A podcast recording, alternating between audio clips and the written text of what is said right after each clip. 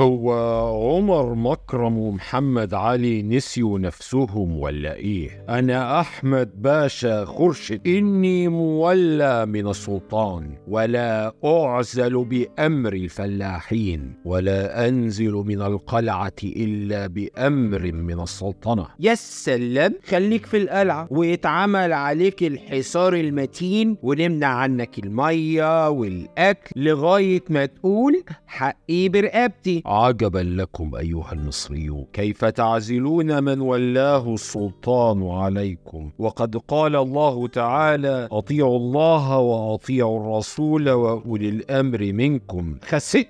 أولي الأمر العلماء وحملة الشريعة والسلطان العادل وهذا رجل ظالم. وجرت العادة من قديم الزمان أن أهل البلاد يعزلون الولاة وحتى الخليفة والسلطان. إذا صار فيهم بالجوع فإنهم يعزلونه ويخلعونه.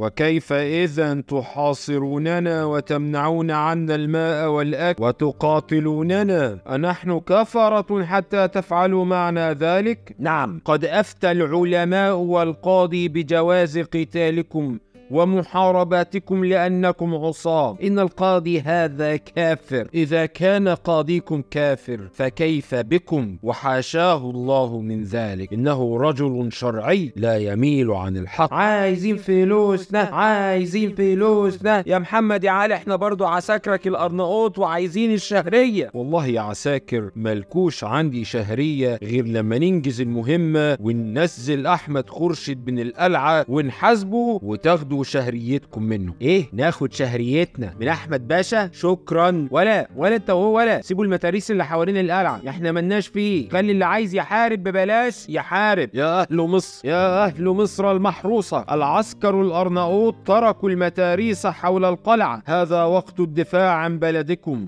الله أكبر. الله أكبر. الله أكبر. كلنا فداك يا مصر. يلا بينا يا رجالة. رجالة الحطابة وسوق السلاح والضرب الأحمر. ده وقت الفدا يا رجالة. وفي ليلة الاثنين العاشر من يوليو 1805 وصل الخبر بوصول رسول الباب العالي إلى مدينة قليوب وأنه قد طلع إلى بر فوة وصار من هناك. فلما أشيع ذلك اجتمع الناس وطوائف العامة وخرجوا من آخر الليل وهم بالأسلحة والعدد والطبول إلى خارج باب النصر ووقفوا بالشوارع والسقائف للفرجة وكذلك النساء والصبيان وازدحموا ازدحاما زائدا. ووصل الرسول المذكور وانجرت الطوائف والغوغاء من العامة وهم يضربون بالبنادق والقرابين والمدافع من أعلى سور باب النصر والفتوح. واستمر مرورهم نحو ثلاث ساعات. وخرج كتخدى محمد علي.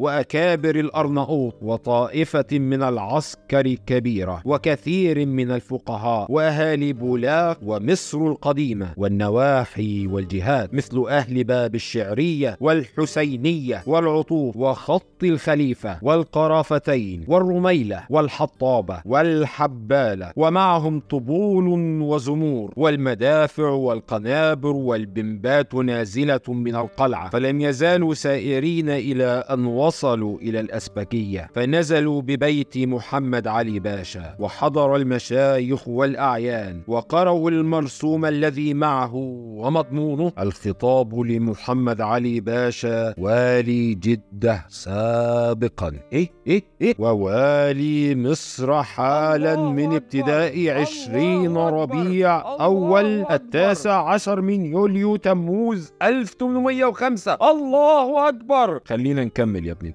هو. حيث رضي بذلك العلماء والرعية وأن أحمد باشا معزول عن مصر وأن يتوجه إلى سكندرية بالإعزاز والإكرام حتى يأتيه الأمر بالتوجه إلى بعض الولايات. هذا وقد بعث السيد الرئيس ببرقية تهنئة للسيد محمد علي باشا بمناسبة توليه ولاية مصر.